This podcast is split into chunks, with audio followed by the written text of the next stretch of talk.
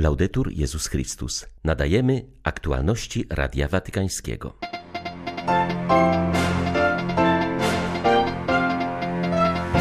Franciszek był dziś w Asyżu, gdzie spotkał się z młodymi przedsiębiorcami z całego świata. Wraz z nimi podpisał pakt na rzecz budowania ewangelicznej gospodarki i światowego pokoju. Kardynał Filoni publicznie stanął w obronie 90-letniego kardynała Zena, który jest sądzony za udzielanie pomocy humanitarnej ofiarom represji w Hongkongu.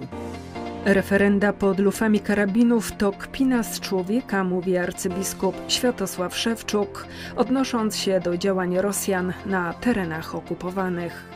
Wojna na Ukrainie trwa już 7 miesięcy.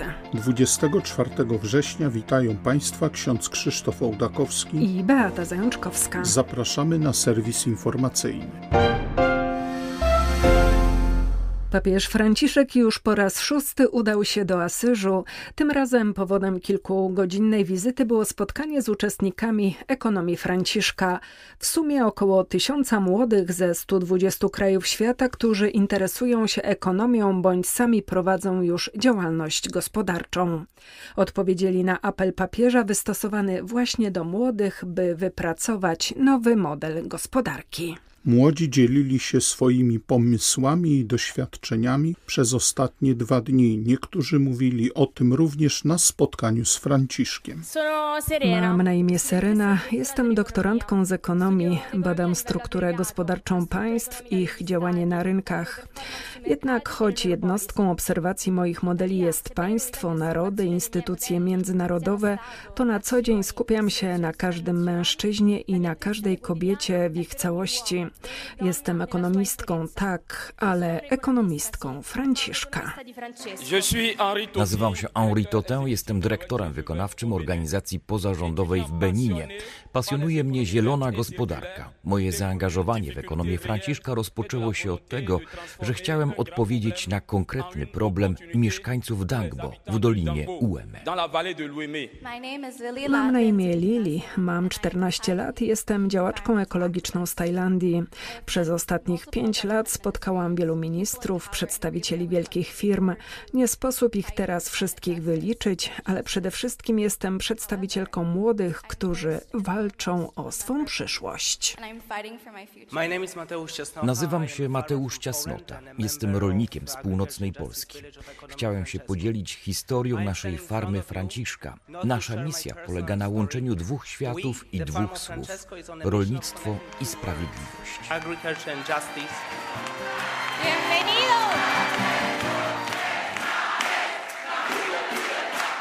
Bienvenido. Papa Francisco. Bienvenido. Społeczeństwo i ekonomia bez młodych są smutne, pesymistyczne i cyniczne. Dzięki Bogu jesteście wy, liczę na was, dajcie nam przykład, powiedział papież w przemówieniu skierowanym do zebranych w Asyżu uczestników inicjatywy Ekonomia Franciszka. Zwrócił uwagę, że kiedy młodzi ludzie na całym świecie solidarnie połączą wysiłki, możliwa będzie zmiana ogromnego i złożonego systemu, jakim jest światowa gospodarka. Pierwszym kapitałem każdego społeczeństwa jest kapitał duchowy, bo to on daje nam motywy, aby codziennie wstawać i iść do pracy oraz budzi radość życia, która jest również niezbędna dla gospodarki. Nasz świat w szybkim tempie zużywa tę istotną formę kapitału gromadzonego przez wieki, przez religię, tradycje mądrościowe i pobożność ludową. W ten sposób szczególnie ludzie młodzi cierpią z powodu braku sensu. Często w obliczu cierpienia i niepewności życia stają z duszą uszczuploną brakiem zasobów duchowych, aby przepracować cierpienia, frustrację, rozczarowania i żałobę. Kruchość wielu młodych wynika z braku tego cennego kapitału duchowego. Pytam, czy macie ten duchowy kapitał? Niech każdy sobie odpowie. Kapitał niewidzialny, ale bardziej realny niż kapitał finansowy czy technologiczny. Istnieje pilna potrzeba odbudowy tego niezbędnego kapitału duchowego. Technika może zrobić wiele. Uczy nas co i jak czynić, ale nie mówi nam dlaczego. W ten sposób nasze działania stają się bezowocne i nie dają również dobrego efektu gospodarczego. Na zakończenie papież wraz z uczestnikami spotkania w Asyżu podpisał pakt na rzecz nowej wizji gospodarki opartej na Ewangelii.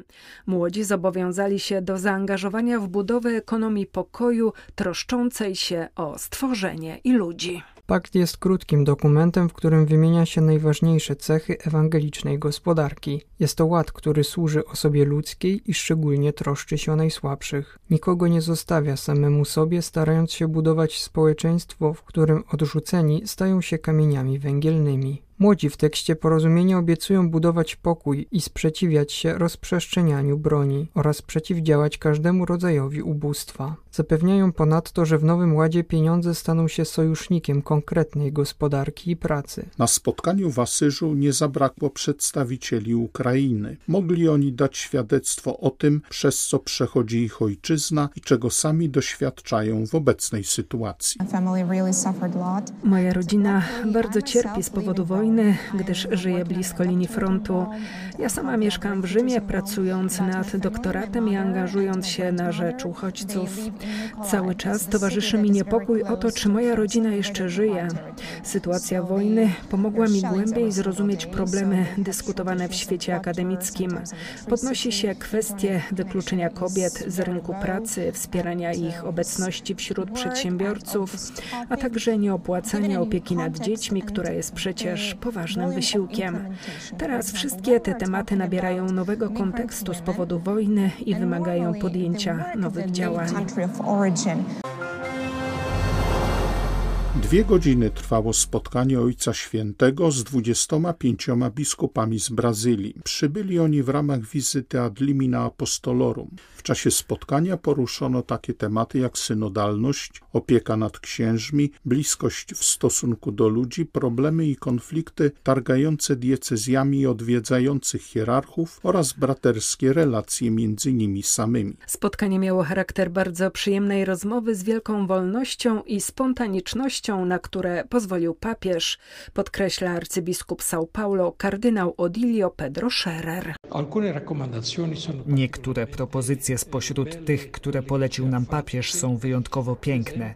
Na przykład powiedział nam, abyśmy pozostawali pasterzami bliskimi ludziom, Przypomniał znane już wcześniej cztery rodzaje bliskości: bliskość do Boga, bliskość do innych biskupów, bliskość do kleru i bliskość do ludu Bożego. Potem powiedział nam także, abyśmy byli pasterzami nadziei, patrzyli w przód, nie przerażali się w jakikolwiek sposób wyzwaniami naszych czasów.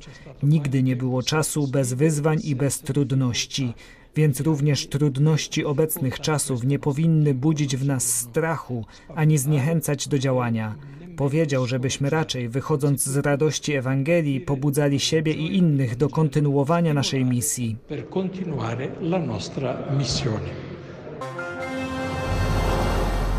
Benedykt XVI znowu przerywa milczenie, tym razem by wyrazić wdzięczność za przybliżenie postaci belgijskiej mistyczki matki Julii Verhege. Jak przyznaje, obawiał się, że jej życie nie wzbudzi zainteresowania, ponieważ brakuje w nim zewnętrznego dramatu. Autor jej biografii, ksiądz Hermann Geisler, zdołał jednak przedstawić zarówno zewnętrzną dramaturgię jej losów wiodących z Belgii przez Austrię i Węgry do Rzymu, jak i wewnętrzny dramat chrześcijańskiego życia. Obecne w nim napięcie jest szczególnie porywające, ponieważ jest podobne do tego, co ja sam przeżywałem, począwszy od lat czterdziestych ubiegłego wieku, napisał papież senior w liście do autora biografii. Matka Julia żyła w latach 1910-1997. Jest założycielką dzieła Wspólnoty Życia Konsekrowanego. Jej życie było naznaczone przez serię spotkań, między innymi z Piusem XII, który miał się jej ukazać we śnie i przepowiedzieć sekularyzację Kościoła. Dlatego właśnie w założonych przez nią wspólnotach akcent jest położony na wymiar sakralny, a w szczególności na adorację Najświętszego Sakramentu. Podczas procesu zeznania mają fundamentalne znaczenie. Kardynał Zen nie zasłużył na wyrok. Hongkong, Chiny i Kościół mają w nim oddanego syna, którego nie muszą się wstydzić. Takie jest świadectwo prawdzie, pisze kardynał Fernando Filoni w liście do włoskiego dziennika Venire. W ten sposób publicznie postanowił zabrać głos w obronie 90-letniego kardynała, który stanął przed sądem za udzielanie pomocy humanitarnej ofiarom represji w Hongkongu. Kardynał Filoni zapewnia, że dobrze zna kardynała Josefa Zenzekiuna. Zetknął się z nim osobiście, kiedy przez 8 lat jako przedstawiciel stolicy apostolskiej pracował w Hongkongu. Wtedy był on jeszcze zwykłym księdzem, prowincjałem Salezjanów i cenionym wykładowcą filozofii. Chińczyk w każdym calu, bardzo inteligentny, bystry, o rozbrajającym uśmiechu, wspomina kardynał Filoni, podkreślając, że choć kardynał Zen zdobył wykształcenie w Europie, to w pełni pozostał Chińczykiem. Nigdy nie wyparł się swej tożsamości. Było to piękne i fascynujące, przyznaje. Stanowił prototyp inkulturacji. Były szef misyjnej kongregacji przypomina, że chiński kardynał pochodzi z Szanghaju. W młodości był świadkiem okrutnych prześladowań podczas japońskiej okupacji. Nigdy o tym nie zapomniał. To ukształtowało jego charakter, stałość i spójność życia, wielkie umiłowanie wolności i sprawiedliwości. Kiedy Jan Paweł II mianował go biskupem, a Benedykt XVI kardynałem, doceniano właśnie jego moralną nieskazitelność i idealizm. Podkreśla, że stojący dziś przed sądem kardynał jest prawdziwie człowiekiem Bożym, a zarazem autentycznym i lojalnym Chińczykiem. Dla mnie ważne jest nauczanie Jana Pawła II. Europa musi oddychać dwoma płucami, wschodnim i zachodnim. Mówi Giorgia Meloni, przed jutrzejszymi wyborami to właśnie jej partia, bracia Włosi, może liczyć na najwyższe notowania. Meloni obiecuje swym rodakom przełom w polityce prorodzinnej przypomina, że bez wzrostu demograficznego Włochy są skazane na unicestwienie. Mówiąc o Unii Europejskiej, Meloni stwierdza, że nie godzi się na traktowanie krajów wschodnich jako Europy drugiej kategorii. To właśnie w tym kontekście powołuje się na nauczanie polskiego papieża o dwóch płucach kontynentu.